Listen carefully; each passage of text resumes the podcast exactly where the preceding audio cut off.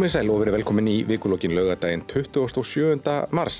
Síðasti, þetta er síðasti lögadagur marsmánaðar, hvorki meira minna.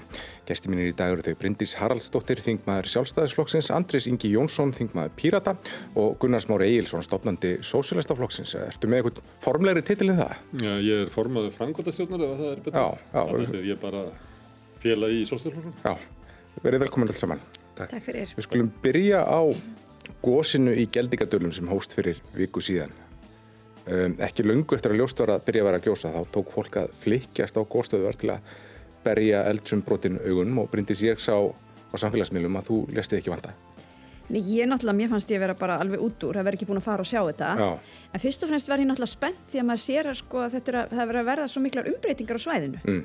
Þannig að ég fór hérna með 16 ára sinni mínum í gær við ákveðum að skokka þetta sko, vera svolítið svona snöggas og taka þetta út fyrir restina fjölskyldinu svo við getum farið með hana fljótlega Já, já, og, og hvernig var? Þetta er auðvitað magnað sko, Já. þetta er alveg magnað að sjá þetta. Um, mér fannst þetta leiðilegast að ná ekki nógu góðu myndum sko því þetta er orðið samkeppni um myndir á samfélagsmiðlum en ég sé að maður þarf auðvitað að vera þannig í myrkri til að ná þessum fallegu myndum sko, þar sem að þú svona sér alla þessa krafta. E, þannig að það er næsta skref að fara þarna, ég held að sé samt betur að lappa í björtu því fólk þarf nú átt að segja á því að þetta er svona, já svona svolítið flókin leið hvað það er að þú þarft að svona horfa hvert skref sem hún stígur. Já, en þetta er bara einhver lístiði þannig fyrir mig að þú verið lengur að ganga sko frá bílnum að stikunum og síðan, að góðstöðunum sjálfum. Já, ég var greinlega rosalega heppin, ég held ég við komið hann upp úr fjögur og ég sá fullt af bílum og hugsa, já já, nú þurfum við að skokka svolítið lengi áður en við komum að þessum stíg, hérna stíg, en við vorum bara mjög stutt frá. Mm. En þegar við komum tilbaka þá sáum við bíla þarna alveg upp eftir brekkunni og tvær raðir út um allt og svona, þannig að það greinlega fjölgaði mjög mikið þarna einmitt eins og fólk sagði, svona, eftir að vinnu lauk að Já. þá þurfti fólk á svæðið og það er væntilega líka vegna þess að fólk vill vera þarna í myrkri, í rökkrinu Einmitt. þá nærðu þessum mögnuðu myndum Já, Nei, ég á það eftir uh, en einmitt búið að vera nóga myndum að skoða þannig að það er hægt að fylgjast með þessu Já. bara í beinni en og þó, þó maður segja þetta bara þannig þá einmitt að maður myndur á hvað hva landið er magnað og hvað náttúrann getur gert Mm. og svo er líka aldrei skemmtilegt að sjá í gegnum þetta hvað við eigum frábært vísdafólk sem að sko er bæði að, að hérna, rannsaka þetta og miðla til almennings á mjög aðgenglugu máli hvað er að ske í mjög sko flóknum náttúrulegum ferlum. einmitt. Gunnar Smári, þú, uh, ert þú búin að fara? Nei, ég, hérna, nei, ég hef ekki gert það. Ég, hérna, Þóról var nú að byggja okkur að fara ekki í gær. Ég, Já. Ég, Þetta er svona... Ég mér óvart að fólk bara líði ekki í Þórólfi. en ég ástæðan fyrir ég get ekki farið er að hérna, ég, mér er haltur og ég er með ónýta mjöðum Já, og það er nú ekki nema bara tveir dagar að hún verið tekin og henni verið fleikt sko þannig að ég, þannig að ég lappa kannski á, á nýrri járbættri mjöðum hann tíma þegar að fara að vora. þú ert nú eldri en tvævettur í þessum bransa. Hefur þú farið að, að Já, hef, ég var ekki hekla svona í kringu 1980 Já. þá fór ég svona upp að raunjæðri mm. ég man eftir því Já, menn þú er ekki verið svona gósmaður í, í uh, það eru svona ákveðna típur af, af frettamönnum. Já, nei, ég hef aldrei farið á svona sem fréttamaður í, í þetta. Ég er ekki svona í gulu vesti blaðamaður. ég, er bara- ég var látið bara að fá hérna fjármála áallan og svona búið til fréttur úr því. Já, og hérna eru fjárlög handaði drengur. Gerði ykkur úr þessu. En það er eitthvað, sko, var rætt svolítið um þetta í byrjun, sko, ætti að, að takmarka aðgengi, ætti bara að banna fólki að fara þarna, en það var farin svo leið að, að bara leifa fólki að ganga bara flæðandi kviku. Og það er eitthvað svona fallegt við þetta, að þetta sé svona mikil hætta þarna, en samt sem maður er, er eitthvað svona frjálsræði í þessu að fólki treyst til þess að fara á staðin. Ég, ég held að það hefði orðið algjörskrar afbræði alltaf að banna fólki þetta og mm. við búum á þessu magnaða landi og ég hef aldrei upplifað eldgós áður að koma að eldstöðum en það hafa aldrei verið svona nálagt manni og svona aðgengilega ráður og Já. það er náttúrulega það sem er svona einkennandi við þetta og ég bara dáist af björgunarsveitunum þarna, það er búið að stika gönguleiðir, mér sé að tvær, ég fór ekki þess að frægu kaðlaleið heldur einhverja aðra E, það var jú fjöldi fólks þarna, mér fannst fólk vera skinsamt, e, sumir voru með grímur en mér fannst fólk vera halda fjarlæð og svona hann í þessari margum rættu brekku, þá satt fólk svona saman í þeim hópum væntarlega svona í sínu, sínu páska ekki sko. Já, E, þannig að mér er bara, þú veist, auðvitað eigum að fá tækifæri til að sjá þetta og upplifa þetta.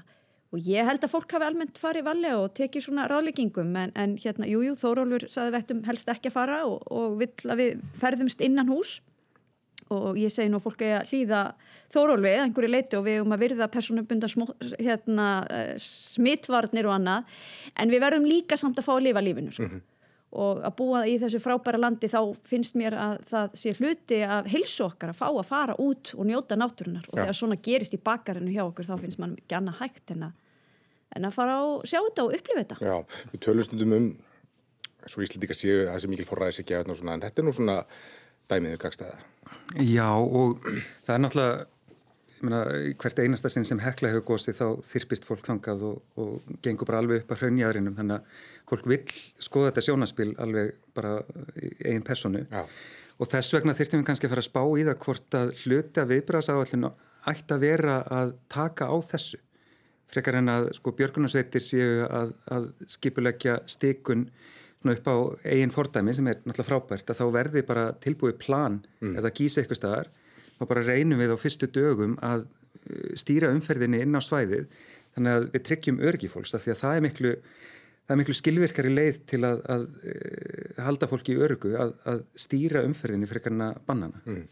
Þetta er orðið síðan orðið svona mikið batteri, maður sér að hann er fólk mækna steika pönnur, fara að steika beikon og það eru bónorð og einhverju allsberr og, og, og tíðinlíkt komið gítar, það er komið svona ekki alltaf svona, kannski svona, svona óttablandin virðing fyrir náttúrunni sem, sem verður síðan Það ætti að vera meira þessu, þetta er bara, þetta er þjóðótið þá er það er ekki fínt fyrir hérna, börgunarsveitin að vera með sölutjöld og selja eitthvað þarna og, og ég er einhvern mál að fara með þarna eitthvað svona skíli ef einhver er orðið þreyttur eða hefur eitthvað aðeins miskilið hérna hvað það var kallt eða hvað það var langt að hann geti kvilt sig aðeins og minnst það er bara hjálpa fólki við að sjá þetta í staðin fyrir að vera alltaf að tuða yfir þeim sem að fara þángað eða að, þú veist alltaf þessi þrýr sem að voru vannbúnir sko, hugmyndum að þessi einhverju menn á blankskóm að, að skemma fyrir okkur hinnum, það er var einmitt og gítar og uh, brekkusöngur, hann er brekkað ekki.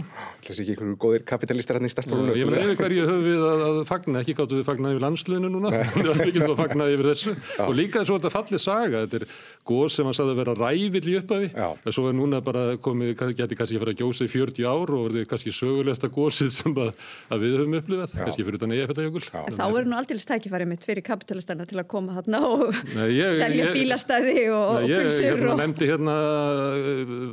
eitthvað stöðar að hvort það væri ekki snuðt að fara með stúkun af lögataslöginni, líka hann ángað.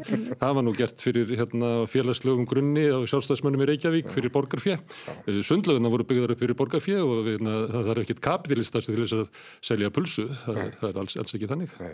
Og ég nefndi björgunarsveitinnar, okkur með það ekki notið þetta sem fjáröflun og, og selja fólki hérna, pulsur og húur og, og minnismerki og ég veit ekki hvað og hvað. En svo kom skellurinn á miðugudag, það var tilkynnt um harðar sóttvarnar aðgerri sem tóku gildi á 50 dag eftir að nokkur hópsmitt kom upp um síðustu helgi. Andres, þú býr nú í lögurnarskvarfinu það sem já, skellurinn kom fyrst. Já, það var bara, við vorum eiginlega öll sett í úrvinnslusótkví í hverfinu, bara allir lögurnarskóli og, og aðstandendur. Þannig að við fundum alveg skellin á einn skinni já. og þetta var nú, manni bregðut aldrei þegar sko, veiran fyrir að stökka svona greiðlega á milli batna Þa, það er ákveðin vendipunktur í þessum slag. Það voru hvað 11 krakkar í sjötabekki ákveð sem að smituðust og, og hérna það var óttið um að, að smituði borist síðan í aðra skóla í hverfinu en mm. verist hafa náðst að, að stoppa það. Já.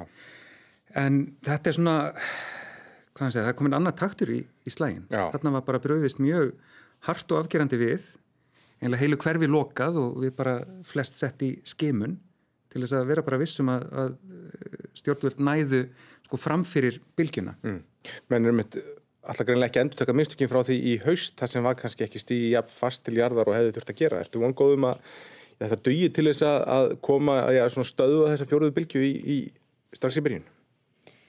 Uh, já, já, ég er alveg vongað um og ég held að þetta snúr svolítið um það að við erum bara sko að feta okkur alveg áfram í þessu faraldri og nú erum við náttúrulega að tala um eitthvað afbreyð sem er mun meira smittandi og þar er lendi kannski ástæða til að breyðast við öðruvísi heldur en var áður þegar mm. við vorum með önnur afbreyð sem voru ekki jafn smittandi. Já, við erum eiginlega bara breyðast við eins og við turtum á lokum að gerast við síðasta afbreyði sem bara var í þá í oktober-november sem þá loksis fóru að koma böndum á síðustu bylgu. Já, ég náttúrulega er ekkit voðalega hrifin af öllum þessum miklu takmörkunum. Mm. Það sem að ég held að við höfum náð mestum árangur með er einmitt smittrakningin okkar sem er algjörlega einstök og svo þetta að vera að skema mikið og það er auðvitað það sem við höfum náð held ég lang, lang mestum hérna árangri með. En ég sætti mig alveg við það að við þurfum að bregðast mjög hart við núna. Það er kannski, og ég ætla að reyna að vera bara bjart sín, þau tala um þrjár vikur, e, það er yfir páskana og það er bara fyrir tími fyrir fjölskylduna til að vera saman í hægagangi, annarkort heima hjá sér eða upp í sumabústað og njóta bara útiveru og þess að vera saman sem fjölskylda en ekki vera í einhverju partistandi og, og stúsi og ég vona að það, það muni virka en heilt yfir þá finnst mér samt við hafa náð mjög miklum árangri. Mm. og ég ringdi nú næstu í Vælandi í sýsti mína sem að býr í Kaupmannhöfn eftir þessa fréttir. Og sagði, ó, nú að fara að loka öllu. Og það svona þyrmdi svolítið yfir mann eins og ég ímynda mér við marga. Og hún var nú hérna í februar og hún sagði, heyrðu, prinsið mín, hætti þessu væli sko, það er ekkit loka hjá okkur, þú veist, á Íslandi. Mm. algjör, þeir eru bara búin að vera ykkur luxu sko. Þannig að við þurfum með mitt líka svolítið að muna það þegar, þegar svona kemur upp að hérna, við erum þrátt fyrir allt það land í Evrópu sem er með hvað, hvað mest opið og mm. höfum náða að lifa hvað mest venjulegu lífi mm. og það er mjög mikilvægt það eru svo margar aðrar aukaverkanir af því að þegar fólk er nánast í lokað inni þegar þessi útgöngubann sem hafa verið sko bara við forða okkur frá því að þurfa nokkuð tíman að beita einhverju slíku. Mm. Það grínast með það að fyrstu dagur langið sér þrjár vikur í ár heldur þetta dugið til? Ég alltaf hef ekki ditt á því sko. Það er hérna, maður heyrði á Þórólfi hann er að segja að eitthvað smitt sem ekki var hægt að tengja bendi til þess að það geti verið eitthvað starfn úti og ég hef ekki hugmyndum hvernig þetta ferða sko. Mm.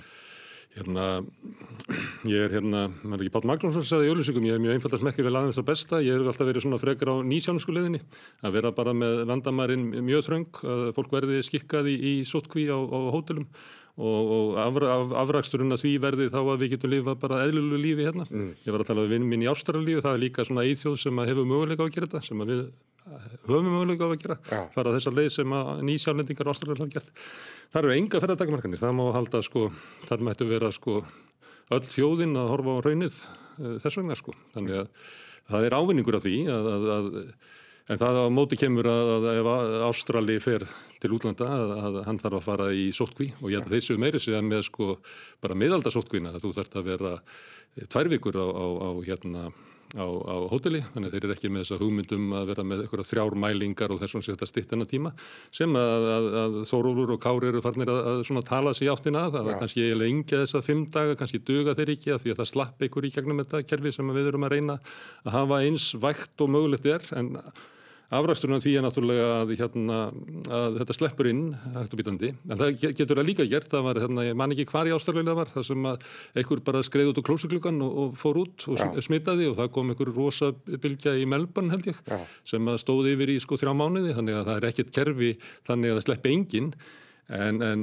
vandin okkar þegar við erum orðin smillus er náttúrulega hættan kemur á utan og þetta sem við erum að glíma við í dag er afræksturinn er ekki sko skortur og grímu notkun Íslendinga heldur var það að það slapp einhver inn með veiruna og, og ég er svona ég hef verið svona hrifnar að þessu að hérna, maður sér það, það er líka hérna, nýsjálfdegarum með svipaðan efnahagu við, þeir eru stóla mikið á ferðamennsku eitthvað flera og, og, og þeir hafa orðið fyrir miklu minni áföllum og eru fljótur að ná sér heldur við, heldur sem erum alltaf að reyna svona, að gera eins lítið og mögulegt er en, en fá þetta svo alltaf í andliti. Sko. Þeir gerir ekkert ráð fyrir að opna landi eftir fyrir 2022. Nei, en þeir, þeir hafa bara haft eina bylgju sko, sem er eitthvað sem að nöfnum tjáður að nefna. Já. Við erum kannski mögulega að fara í þriðju, ég veit ekki að önnubylgjan á Íslandi, hún er náttúrulega bara uppað við af annari bylgi sem fór úr, úr skeiði sem er þá þriðabylgjan, því að við tölum oft um, sko, við erum komin í fjóruðubylgi núna þegar allir að tala um þriðju. Mm. Andris, það var búið að taka svona herða takmarkanir á, á landamærunum, það er að þú þurftir að framvísa prófið og væri neikvæður, svo þurftir að fara í skimun, fymta sótkví og aðra skimun og mörgum fannst þetta nógu harta, bara helviti harta þurfa, þurfa að fara gegnum þetta en, en þetta verðist ekki duða til. Er, þetta er veika keðjan okkar, það er landamærin. Já og það sem Gunnarsmári kallar nýsjálfinsku leðina er sko í grófum dráttum það sem sótanarleiknir er að mæla, mæla, mæla stil með. Mm. Að fólk sé ykkur í sko skýrt skilgreindri sótkví bara á sótanarhóteli helst til þess að við séum alveg vissum að, að fólk fara eftir þessum reglum. Af því að það er náttúrulega það sem brennur við sko, fólk sem að, að hérna, virðir sótkvína ekki og og ber þannig veiruna áfram uh, og þar erum við komin í þess að tókstreit á milli stjórnmálana og, og sótarnægjuvelda að akkurat á landamærunum þar hafa verið teknar pólitískar ákvarðanir um að opna og sótarnægjuveldum falið að útfæra það þannig að sko skaðin verði sem minnstur En allan tíman hefur Þórólur verið að, að vara við þessu. Hann gerði það síðasta sumar þegar að, að var liðka fyrir á, á landamærinum og það komið bakið á okkur. Hann gerði það líka varandi litakóðan sem að, á að taka upp í mæ, uh, er bara frekar skeptískur á það. Og uh, þetta er, sko þetta er aldrei erfitt að eiga við umræðina uh, það sem stjórnveldur alltaf að segja að þau fylgi ráðleggingum sérfræðinga. Bara það er mantran sem er, er mm -hmm. viðhöfð. En reyndin er ekki svo reyndin er svo að það eru ákveðin, ákveðin þættir þar sem stjórnmálinn hafa tekið ákveðinir og bara sagt sóttaneyfjöldum að, að græja mm. uh, Bryndis, það eru alveg hagsmunur aðeins bara ferða þjónastunum fleiri sem hafa lagst mjög indriði gegn því að séu harðar takmarkanir við landamærin hafa þau fengið að ráða miklu í þeim sjónamiðin Nei, ég meina, eins og þú ferðið nefið, við erum með mjög harða takmarkanir á landamærunum. Við erum með það í dag, Já. sko. Og hérna, og ég held að við hefum nú verið með fyrstur íkjónum sem kom með þetta, sko, vera dugli í þessum skimun og sótkví á milli og svona. Og ég meina, það hefur gengið bísna vel, myndi ég halda, e, þó að það sé eitthvað sem slepp í gegn en sko við getum alltaf rækja okkur áfram að býtu var að þetta eða hitt var eitthvað að brjóta sótt hví eða vera með, meira með grímur eða hitt og þetta niðurstan eru þetta alltaf við bara þurfum að vera dugli að bálusetja mm. og ná meiri árangru í því mm. það lítur út fyrir að vera eina lausnin nú Andri Singi hérna segir sko, hlustum á sérfræðinga en samt pólitík já, ég vil náttúrulega meina það að í upphafi að þá var það pólitík að segja, heyrðu, við ætlum að leggja tröst okkar á hér sóttvarnarleiknir og sérfrænga í þessum málum og fylgja þeirra hérna sjónamiðum. Og það er nú það sem hefur verið gerst að lang, lang, lang mestu leiti. En auðvita er það ábyrgin, ábyrðin hjá pólitíkinu endan. Mm. Og við getum ekki ætlast til þess að sóttvarnarleiknir horfi hér á hagsmunni allra Íslendinga og þau flóknu samspil sem það er eiga undir. Hann er auðvitað fyrst og fremst að hugsa um þessa veiru og velta fyrir sig hvernig við getum loka á hana það getur vel verið að það sé hægt að gera það með einhverjum drastiskum aðgerðum og segja bara, heyru, hér koma enga flugvilar inn. En þá verðum við bara að velta fyrir því hvað aðrar áhrifur það hefur. Mm. og mér finnst fólk hafa aðeins spilað upp sko, virður, vissulega er ferðarþjónustan okkar opbáslega mikilvæg atvinnugrein. Og við erum að horfa á uh, mikið atvinnuleysi núna sem er mestbegnis vegna þess að fyrirtæki ferðarþjónustu hafa þurft að loka. Þannig að það eru þetta svona stórt samfélagsspil en þetta er samt svo miklu meir en bara ferðarþjónusta Þetta eru líka bara Íslendingar, þetta er sýsti mín sem vildi koma hérna og eigða tíma með fjölskyldunni sinni, þetta er fólk sem er að koma hérna og hveðja ástvinni, þetta eru e, útlendingar sem búa á Íslandi og eru að fara út að heimsækja sína fjölskyldu. Þannig að það að segja bara hérna loka algjörlega, leifa bara ekkert flug til og frá Íslandi, það væri opbúslega drastisk mm. aðgerð sem ég held að hefði svo miklu miklu meiri áhrif e, slæm á samfélagi heldur en bara sem þetta En er ykkur að segja það? Er ykkur að segja loka algjörlega og banna flug? Er fólk ekki einmitt að segja að í fullri lokun fels bara að fólk sem kemur til landsins fari í stífa sótkví? Það er lókunin það, það er í rauninni það, það fyrirkomulega sem við erum í dag sko. sem við erum að tala um. Og við erum ekki þar. Já, við erum og þar að þú fer í skimun og þú fer í sótkví og svo aftur í skimun. Já, þið, þið, en, en einstakleikum er algjörlega það, þeim er bara treyst fyrir því að þeir ger, fylgir því sjálfur sko. Já, já, já, já. Það, og það er náttúrulega það sem við höfum bara í almennt í þessari veiru mm. og, og alls það er held ég í heiminum sko, fyrir utan, ég veit ekki, einhver hérna, lönd þar sem að yfirvaldi ræður öllu þá erum við auðvitað að treysta fólk, við erum að mæla með að nota grímur, við erum að mæla með Ástralíu er ekki alræðisríki Nei. Nei. Nei, en ég er að segja við erum að trista fólk, þau þar hafa líka verið að trista fólk að þau fylgi hérna leipiningum og ráðleggingum sem verið er að gefa. Þau eru skikkuð inn á, á sóttvarnarhótel.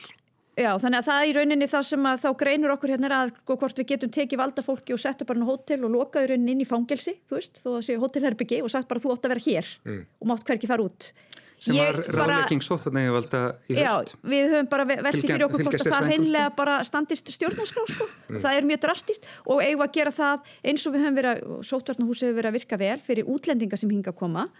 Eh, eigum við líka að gera það fyrir Íslendinga sem hinga að koma? Á að segja, heyru, nei, þú mátt ekki fara heimtíðin eða í íbúðuna þín, í sumabústæðin þín því en, þú átt að vera hérna inn á einhverju sóttverðna hóteli. En við meðum ekki hérna fara í fótbolta, við meðum ekki halda fundi, við meðum ekki fara í leikus, við búum í fangelsi sko. Þannig að þetta áherslu á ferðafrelsi, hvað með bara fermingafrelsi, dótti mín átt að fermast núna á morgun, hún má það ekki. Það er, hérna, er þá allræðisríki hér sem að bannar fólki að fermast. Hún á ammali og fyrst að þið langa og hún var að dæsa og segja að þetta er annað ammali í COVID. En nú má ég engum bjóða. Síðast máttu bara bjóða tíu, nú má bjóða tíu. Er, já, og þetta er svona, ég meina, endalist frelsi sem við erum að forna fyrir eitthvað svona hugmyndum ferðarfrelsi, það er líka endalist við hagsmunir í hækjærlunum sem við erum að forna fyrir eitthvað ímyndaða hagsmunni ferðarþjónustunar, að það er í penningunum að koma, en með því að kæfa allt samfélagið og allt hækjærfið í þessum hörðu sótvarnar aðgerðum, að þá erum við að valda efnaðslum skada. En við erum samt með, aðgerið sem eru mun vægari heldur en viðastar annar starf. Þannig að, jú, er takmarkanir. Já, já. Við hljóttum að, við hljóttum að bara benda á það, þetta er bara eins og verið í búð, við bendum bara á það að þetta er það besta og okkur langar í svona. Mm. En, en, en eins og Kári Stefánsson kom inn á í Karlslæsunni vikunni, þá er þetta ekki endilega ferðamenn sem eru að koma, sem eru að koma með smitt, þetta eru fólk, uh, langt flest, hlutfarslega flest tilfellin eru að greinast uh, í flugi frá Östur-Evrópu og uh, það er oft bara fólk sem er að koma að utan til þess að til dæmis uppfæra stöðuga hvort aðtölulisbótum og, og því líku um, og eins og varaformar eblingar komin á í gær þá neyðist fólkjafel til þess að fara út úr landi að þau bara hennilega lifir ekki af á aðtölulisbótunum. Það er ekki einhvern veginn að, að taka á þessu annarkort með því að, að bara lengja í þessum tíma sem hún þarf að koma í staði fyrir að þú eru að koma þryggja manna á fresti og getur að koma á sex manna á fresti eða svo er hinleginu auðvitað bara hækka, aðtölulisbetur. Ég held að lausnin á sko veirunni eða efnasástandinu sem við erum í sé ekki að hækka atvinnulisbætur. Lausnin á því er mér reynd að búa til atvinnu svo fólk sé ekki á atvinnulisbótum. Það hlýtur að vera eina framtíða lausnin okkar. Eh, Fórstur í vinnumálastofnu kom nú fram og, og lísti því að það er hægt að sækjum einhver skýrtinni og eitthvað -hmm. sem ég kannu ekki alveg á. Nei, gildir í þrjá mánu, þú verður þrjá, þrjá mánu utanlands. Akkurat, en ég er ekki vissum að þetta sé og mér fannst nú margi berja uh, tilbaka þetta sem Kári sagði þarna sko að þetta snúist bara um það að fólk uh, sé að koma inn til að skrá sig út af -hmm. aðtunleysbótum. Þetta getur auðvitað líka bara einmislegt kemur upp í lífi fólks og fólk er að fara erlendis og hverja ástinni eða gleyðast með þeim út af mannfögnum og kemur svo aftur heim. Mm. Þetta fólk þá býr hér e, þanga til það ákveður að flytja eitthvað annað. Þannig að ég held að nei, vandamáli snúist ekki um nákvæmlega þetta, ef það er hægt að gera eitthvað til að liðka fyrir þá finnst mér sjálfsagt að sko, það sé skoðað. E, og, og ég hygg bara að það sé verið að gera það. En ég meina vandamáli eru þetta bara þessi veira er þarna út í samfélaginu. Og hún er líka hérna á Íslandi, hún var líka hérna á Íslandi áður en við þurftum að ráðast í þessar miklu takmarkanir, mm. svo sprettur þetta upp í svona hópsmittum og hver er lausnin við þessu? Hún eru þetta bólusetjá mm og það er það sem við þurfum að ná meiri árangur í hraðar og fljótar til að mm. komast út úr þessum höftum sem við erum í. Mm. Hvað finnst þér um enn punkt frá á Kára að þetta væri?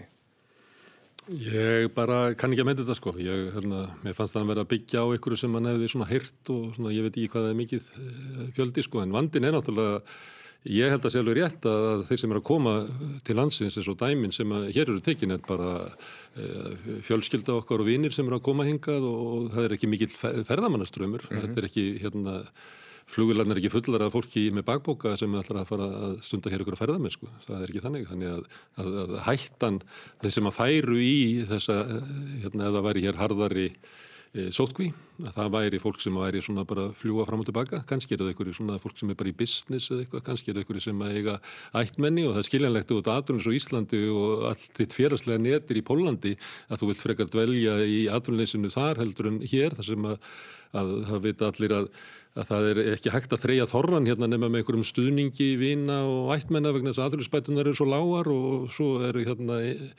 innflytjendur eru frekar í launastörfum lá, hérna, sem mhm. Að þýði það að þú enda bara eiginlega strax á, á svona ígildi fladra hérna aðrunnsbóta, það er meiri líkur á því þú setja á, á, hérna hérna svo kallaða frjálsa leikumarkaði sem er áttalega bölvað helsi fyrir þá sem að þurfa að leia þar, það er háleiga og svona þannig að að fólk bara reynir að, að bjarga sér eiginlega í vonlösi stöðu sko. mm. þannig að ég sé ekki ástæð til þess að vera eitthvað skammast í þetta fólk verður heldur en pestin getur komið með hvaða hætti sem er sko. mm -hmm.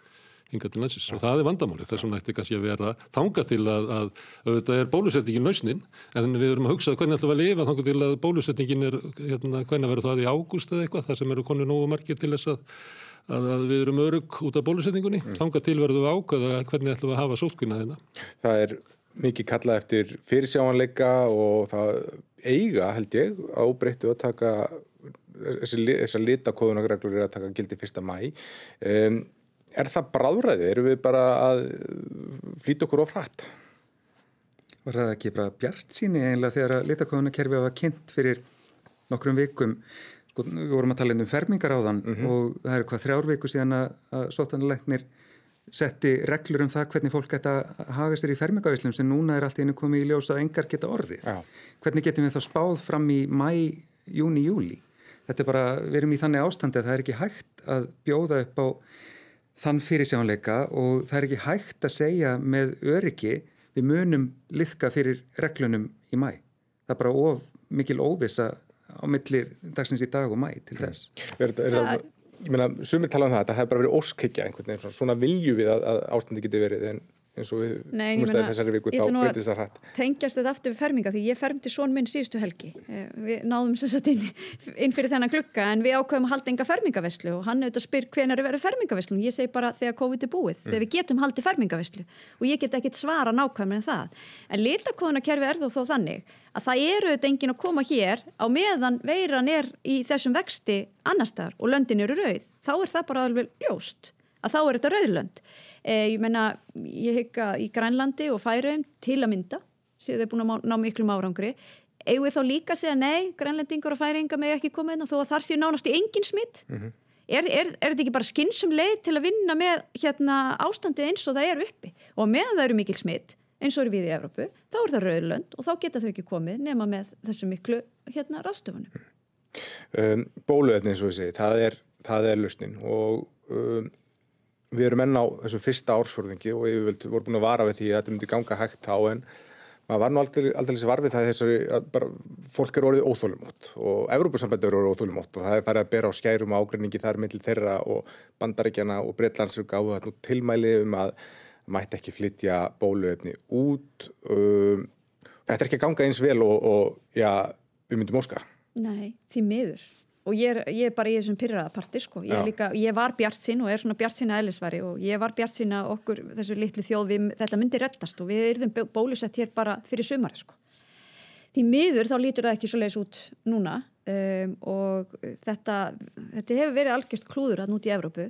Ég held samt sem að það hefur verið rétt ákvörðun hjá okkur að fara með Evrópusambandinu uh, í þennan, þetta samkomulag uh, en auðvitað við að hafa alla ánga úti uh, hérna, eins og við erum að gera núna Getum við það? Hvers, hversu mikið svigrum höfum við til þess að meðan við erum í trúsi við, við Já, ég meina ESB? við erum í, í trúsi við ESB um þetta, á, þessi bóluefni og það ákveðna maks sem er í þeim samkomulagi en, en það þýðir ekki að það sé hægt að horfa annað líka og svo ég meina hefur nú verið bent á það að suma Evrópulöndin eru ekki að ná að nýta sér bóluefni í sama mæl og þau hafa fengið afhend þannig að sjálfsögðu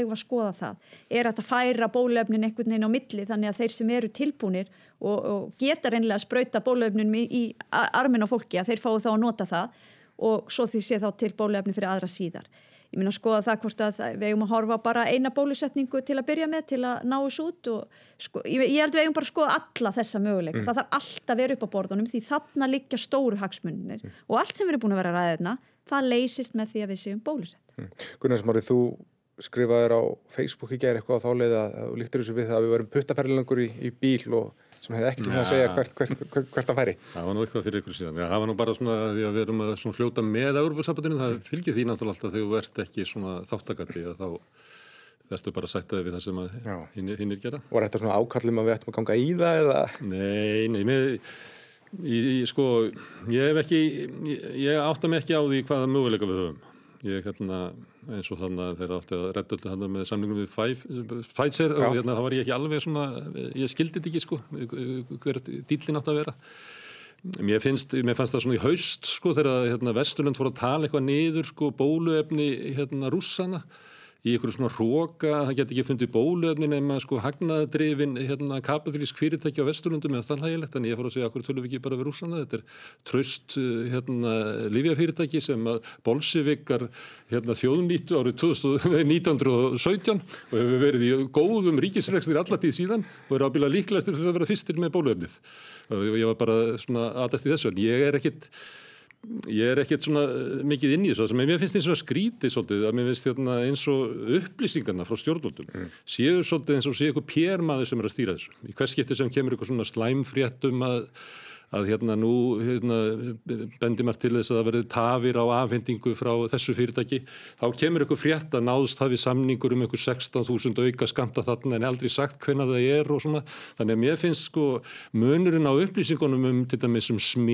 smit og, og hérna hvernig þrý ekki þar presenterað og síðan hérna fréttaflutningurinn af bólöfnunum vera mjög ólíkur. Mér finnst hérna allt í tengstu við bólöfnið að ég verð svona rugglaður og hérna þykir nú sæmilega tannaglöku maður að nú var til þessi morgun að þetta vera 193.000 manneskjur að fá bólöfni bara í næsta mánuði Já. og svo las maður eitthvað aðeins inn í fréttina og það bara meikaði enga sens þessi frétt. Sko. Fram í júni held ég á næstu. Já, svo kom það í ljós í setnaði fréttinni en, en, en samt einhvern veginn bara gekk þessi frétt einhvern veginn ekki upp. Nei, ma maður fekk að næstu á tilkynningunum þegar maður sá þá frétt að það væri viðbrað við fréttum vikuna. Sko, Svona er alltaf bólusendinga fréttum að vera. Það er eins og sé alltaf verið að tala við okkur eins og við syngum börn. Okkur er ekki bara sagt, þetta er staðan, þetta eru valkostinir, við kusum að fara þessa leið. Mm. Uh, Svo líka ábyrrandi, sko, það eru notið öðruvísi orð þegar stjórnmálefinn tala um bólusetningar heldur en flest annað. Það talaði um sko að megin þorri þjóðurinn að verði bólusettur um mitt ár eða fyrir sömarið. Það er einmitt engar prósentutölur eða mannfyldatölur eða dagsetningar uh, og ég hef ágjörði að þetta hafi kannski byggt upp meiri væntingar en mm. innistæða fyrir. Mm. Þegar þú segir megin þorri verði bólusettur fyrir mitt ár, þá held ég að megin þorri almenning skilji það sem bara lang flestir Íslendingar verið búin að fá spröytu í svona mæjúni. En, en, en, en reyndin er, þú veist, við náum kannski einhverjum 70% í haust ef vel gengur. Sem að var eitthvað sem við hefðum sagt okkur við. Ég held að Bryndis hefði sagt sér við að hefðum við sagt það við hann í águst í fyrra. Að við varum kannski búið með þetta svona eftir ár þá hefur það bara verið sátt. Það kom bara eitthvað svona verðbólga í vendingarnar mm. þegar það fór að líða árið og frammettir þessu ári að það gæti bara klárast fyrir páska sko. Ég veit ekki hvað það er vendingar komið. En, en það er komin þessi, já, tildulega skýra frétt, sem sé, að það er búið upp fyrir að uppfæra bólusetningardatal helbriðisráðunundisins í samræmi við nýjustu upplýsingar með um aðfendingu bóluöfna. Það er gert ráð fyrir að hinga til lands berist bóluöfni fyrir samtals 193.000 manns í apríl, mæ og júni og þá er heldartalan frá því í desember komin býð 240.000 mann síðan í desember, það eru 86% tjóðarinnar eða þeirra sem, sem verður bóðið um, bólefni, er þetta treysta því að þessi áallin standist? Bryndís? Sko ég veit ekki en bara út af Gunnar Smári talar hérna um sko, að þetta sé eins og einhver pýjarmála þá segir bara þetta er þá bara versta pýjarmál uh, í heimi sko og það er einmitt ástæðan fyrir því ég held að þetta sé ekki pýjarmál því að ég held að hérna ríkistjórnin hefði þá haft einhverja betri pýjarsérfræðinga í málinu en þetta ég held að máli snúist einmitt um það eins og heilbreyðsráð þeirra hefur sko alltaf verið að segja hún sé bara koma út með upplýsingarnar um leið þar koma mm. og þær eru bara rosalega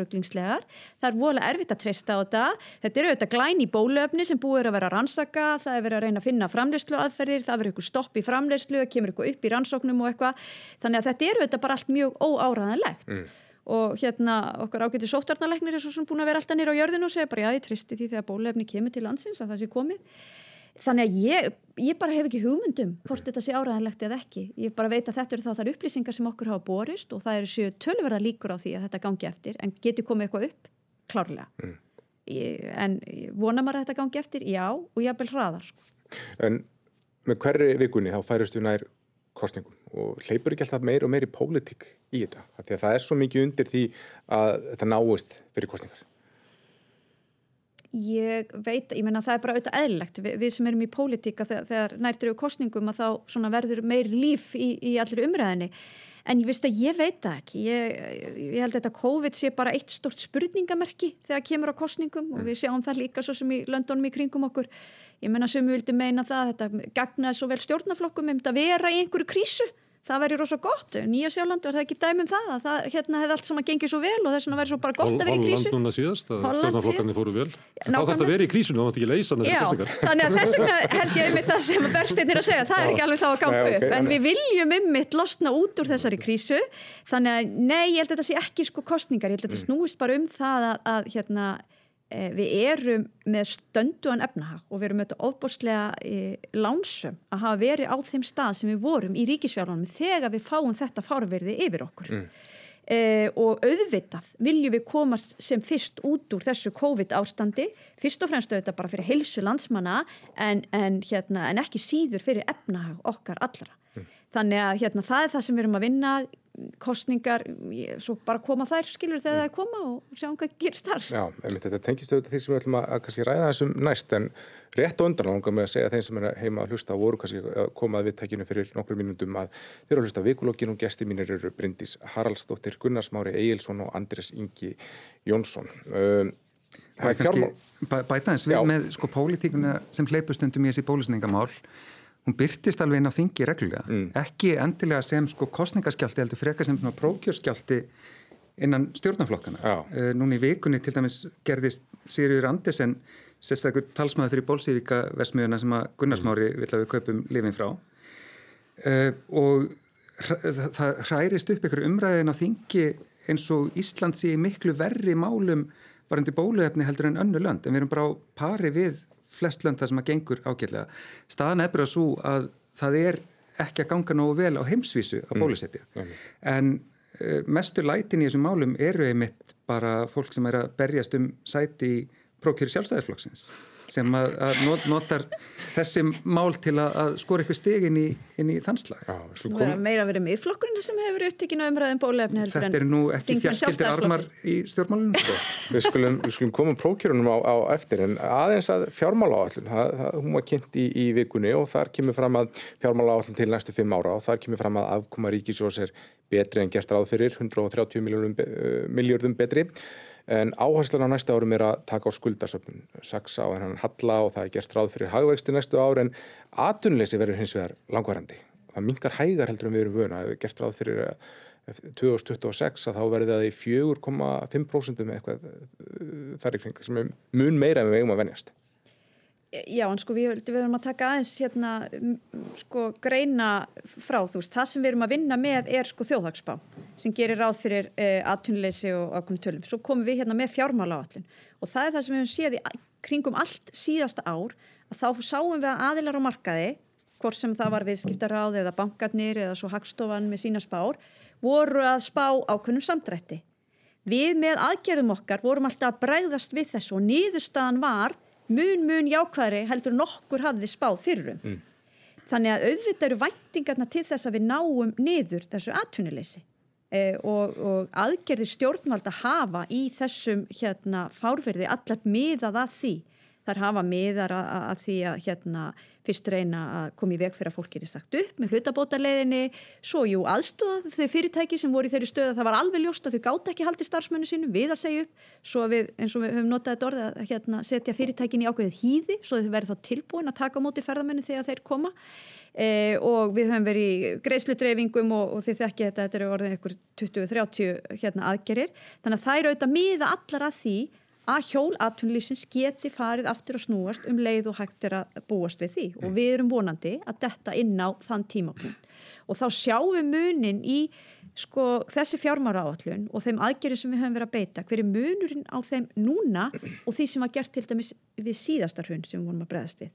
Það sem var farið í samdrátt og niðurskurð í ríkisútgjöldum bæði í fjárfestingum og, og öðrum útgjöldum. Það eru við ekki að sjá núna, við erum að sjá það rýsa en auðvitað þegar við lítum til lengri tíma liti þá getum við ekki horta fram á áframhaldandi skuldasöfnun mm -hmm. uh, og erum auðvitað búast við því að atvinnlífi taki við sér og að við náum svona einhvers konar jafnvægi til lengri tíma liti. Mm, Andrisingi, þetta var svona snöggibletturinn uh, sem því stjórnarnarstöðunni sáuð á, á þessari fjármára áallin, það voru atvinnmálinn.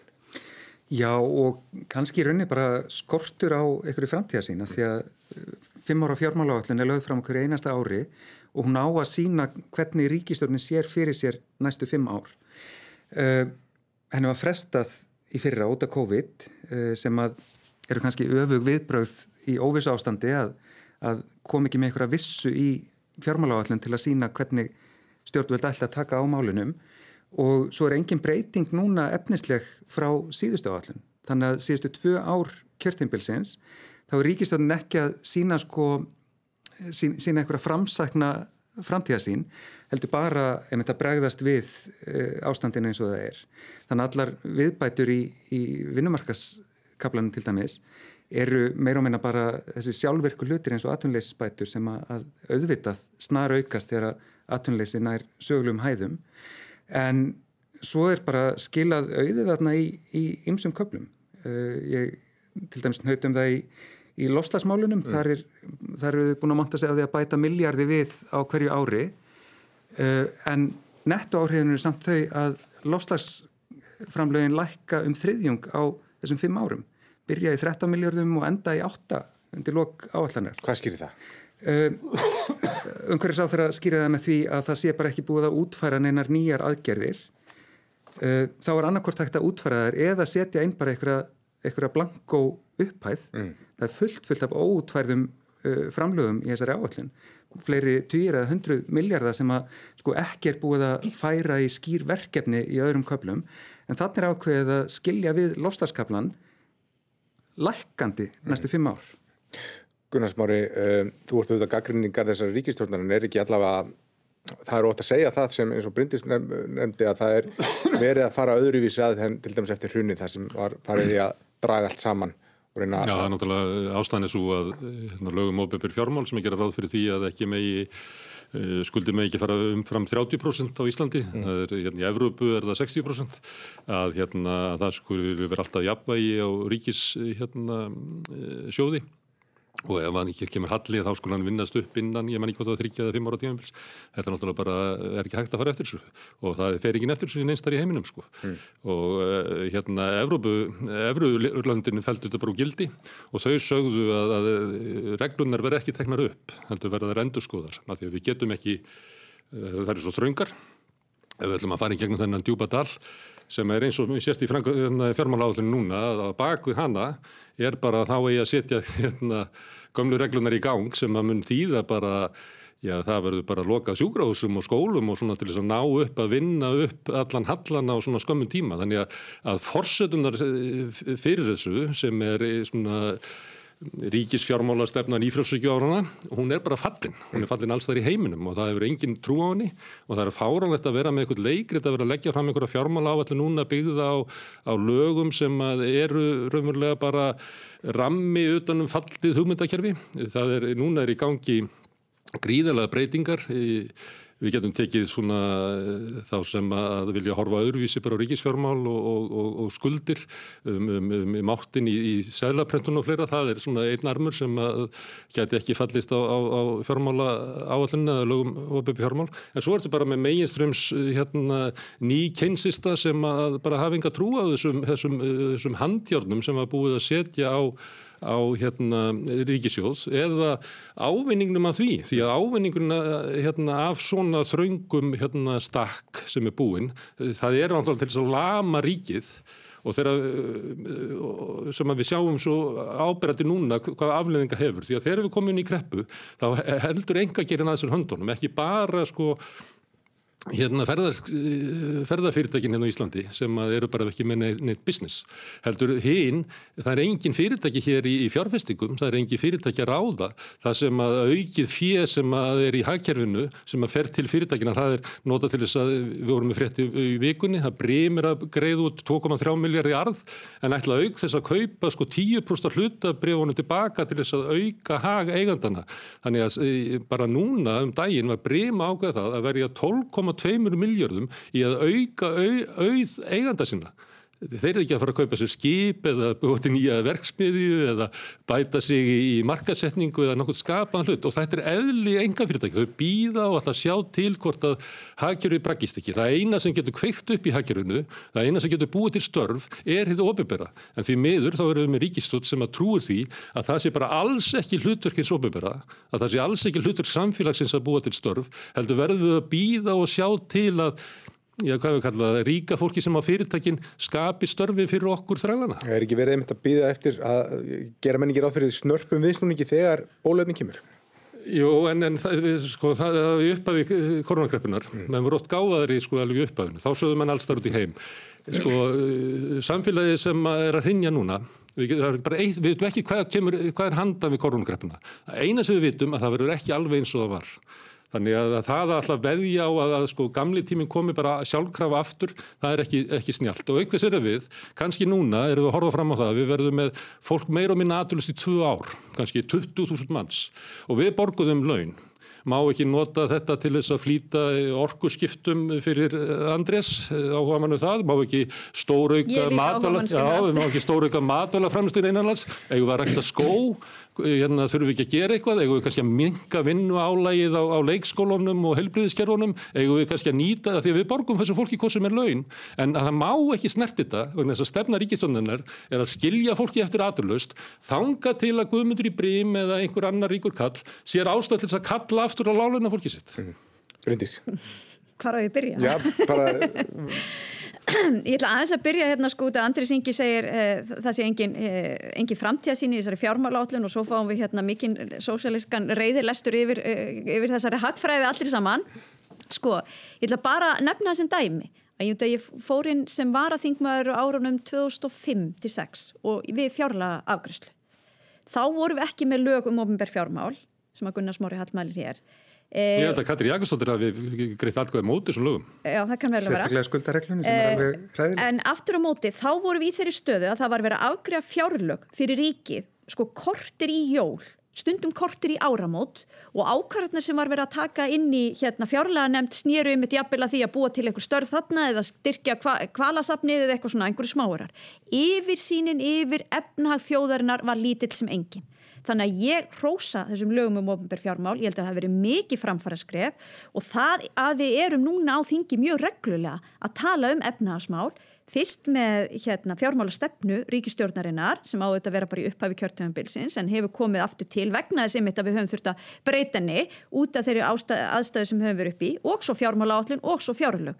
Þannig að náum við miklu betri yfirsýr, miklu meiri framtíðasín Uh, anstætt því sem Andris var að segja hérna á þann á ákveðna málaflokka. Og ég efast um að almenningu sé mikið. Þeir heyra bara okkur röflega einhverjum svona þáttum og einhverja fréttir. En ef fólk raunverulega opnar bækurnar og sér kaplana og sér markmiðin sem settur eru niður og þau eru mælanleg og þau eru tímasett og þau eru ábyrðaræðilega á þetta þá er þetta svona út af því að ég læri nú viðskiptafræði og stjórnun í gamla dag þá er þetta alveg eftir þeirri megin reglu Þannig að ég ætla bara að byrja að segja það að þetta var stórt og mikilvægt framfara-skref. En áallinna standast ekki, þið þurftum eins að breyta um þegar vá fór á hausin. Er það ekki eitthvað að áallinni ef hún þólur ekki eins og eitt fyrirtæki fór á hausin? Áallinir hafa ekki alveg staðist og við höfum glýmtu ímislegt og vá getur verið eitt af því loðnubrestur og, og svo núna koronaveran. Þannig að það er auðvitað ímislegt unnið á, á þessu kjörtíðanbili. En að sko segja það að svari við þessu öllu saman sé bara að við ættum bara að búa til hér fleiri ríkistörf ég bara get enga veginn hérna sæst á það er, er, er, stóra máli þetta snýst um það og það er það sem allar þessar aðgerið sem við höfum verið að gera snúast um það að veita súrefni út til atvinnulífsins, svo atvinnulífið mitt ekki bara einhver ríku kalli brím heldur atvinnulífið sem er undirstaða samfélagsins okkar hérna að geti skapa þessi störf, því þetta, þetta verður að vinna saman. En eru fimm ár og bratt tími til þess að, að borga, borga þessa skuld tilbaka? En það eru við náttúrulega ekki að tala um það sko við erum bara að hérna, ganga á þessa skuldasöfnun mm -hmm. sko. þannig að það hérna og þegar sko, það, talum hérna þegar þau eru að loka spítulum eitthvað, það er auðvitað ekki málið því þessar aðgerir eiga auðvitað virka þannig að við fáum inn aukna tekjur vegna þess að verði aukin umsvið í atvinnulífin okkar. Við fáum inn aukna skattekjur, Veg, ekki vegna þess að við ætlum að hækka skatta, heldur vegna þess að fleiri fólk vinnu, fær vinnu og fleiri fyrirtæki skila hérna arði og borga þarlendi skatt. Það eru auðvitað væntingarna sem við sjáum. Ef ekkit af þessu gerist, þá mun koma, þurfa að koma til niðurs, hérna, niðurskurðar og það er mikilvægt að við áttum okkur á því. Þetta er gigantísk skuldasöfnun. En við segjum líka núna, það skiptir máli. Það er það sem þarf í þessu áferði en við verðum líka horfa til framtíðar. Og sem betur fyrir eru við með lögum ofinbér fjármál sem að skilda í rauninu ríkistjórnina til að gera það og leggja fram svona áallan og segja, heyrðu okkur, svona sjáum við þetta inn í framtíðina. En auðvitað, fjármál áallun á að taka upp á hverju ári, þannig að hún mun alltaf breytast og aðlagast eftir því En í lögunum eru skulda þakk og fleira og, og þjóðir sem hafa búið við það til dæmis í efrunni eins og Ítalir hafi ekki mátt hækka eftirlun, í Gríkinni verða að selja flugvillina, þannig að þetta, við erum með þetta í lögum, við erum með nýfrálsvíkjuna í lögum á Íslandi og þið eru þarna reglulega vegna svona stennst ekki að tala um endurskoða fjármál áallun vegna svona hugmyndakerfi sem er löngu fallið og enginn hefur trú á, það var það sem ég var að benda á. En, en, en, en hugmyndin er svo að, að þegar þið farið út úr þessu tímabili að þá mun þetta bara taka við aftur. Og, og ef við horfum á það þjóðir sem hafa þurft að lifa undir þessu þá eru valkostinir að selja almanægur eða skera niður þjónustu eða lækka framlög til hérna, aldraðara öryrkja eða aðlösa. Mm. Já en ég held að það sé nú ímislegt annað í þessum samfélagum sem úrst að vísa í þó að þau hafi farið í þessar aðgeri. Þannig að ef, ef að spurningi snýrum það er, ertu hlind eða ekki hlind því að hafa eitthvað í lögum um afkomu ríkisins þá er ég hlind því. En lögum eru auðvitað hægt að breyta og við höfum aðlaga fjármálastefnun okkar reglulega að því, því sem er að gerast. En þetta er auðvitað umræða sem verður hávarari eftir því sem líður á, á kostningabaratuna. Hún er alltaf verið kosið í haust og Andrés, þú ert gengið til þessu pírata og verður hvað í öðru seti í Reykjavík Norður. Já. Akkur ákvæmst að ganga til þessu þá? Uh, vegna þess að já, kostningarnir í haust eru mjög mikilvægar, ekki bara að því að við þurfum að fá almennileg viðbröð við korunakreppinu, heldur líka vegna þess að næstu fjögur ár skipta líkilatriði í því hvernig landið byggist upp eftir kreppuna og til lengri tíma til að takast á við lostasvandan. Mm. Þetta, þetta er mjög krítist kjörtimbil og ég bara hef trúaði að píratar séu með sko, margar af þeim lausnum sem þarf til að takast á þetta. Mm. Þannig að það að, að við verðum í einhverju ráðandi stöðu á næsta kjörtimbili mm. skiptir bara mjög miklu máli upp á framtíðlands. Hvernig gengur að setja svona mál á dagskrá sem er ekki COVID í miðjum faraldri? Það nefnilega gengur ágætlega. Eh, Gallup var náttúrulega koma með þarna umhverfiskonnuna sína í vikunni það sem kom í ljós að sko þrátt fyrir COVID þá er, eru áhugifólks af lofslagsmálum þar sömu að þeir voru fyrir COVID. Mm.